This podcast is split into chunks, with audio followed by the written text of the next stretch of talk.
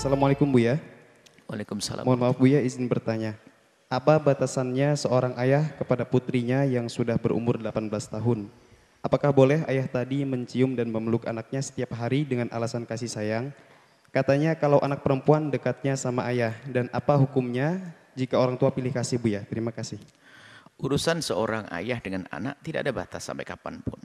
Masalah mencium, kening, wajar, pipi wajar. Memeluk sesaat itu adalah hal yang wajar bagi orang yang wajar.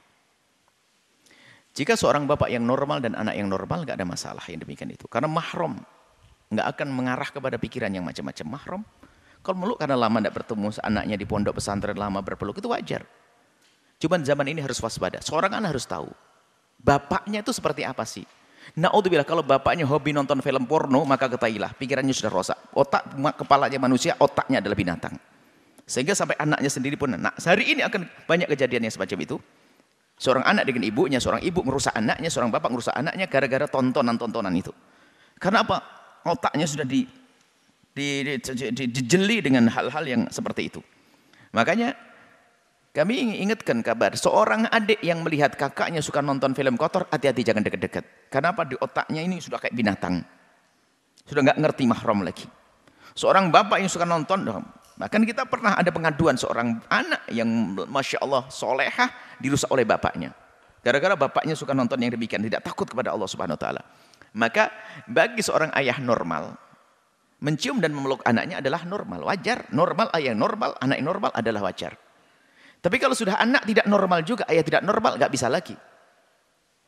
Naudzubillah. Ini hati-hati. Makanya sebabnya ini yang harus kita hindari.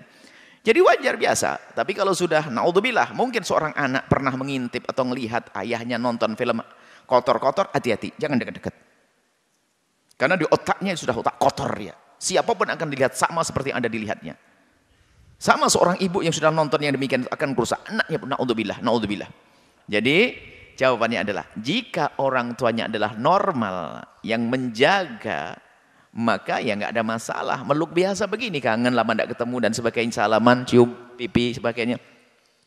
Tapi kalau sudah anaknya sudah nggak benar atau ayahnya nggak benar, ya nggak boleh lagi dalam hal itu. Karena apa? Sudah keluar daripada jalur dia.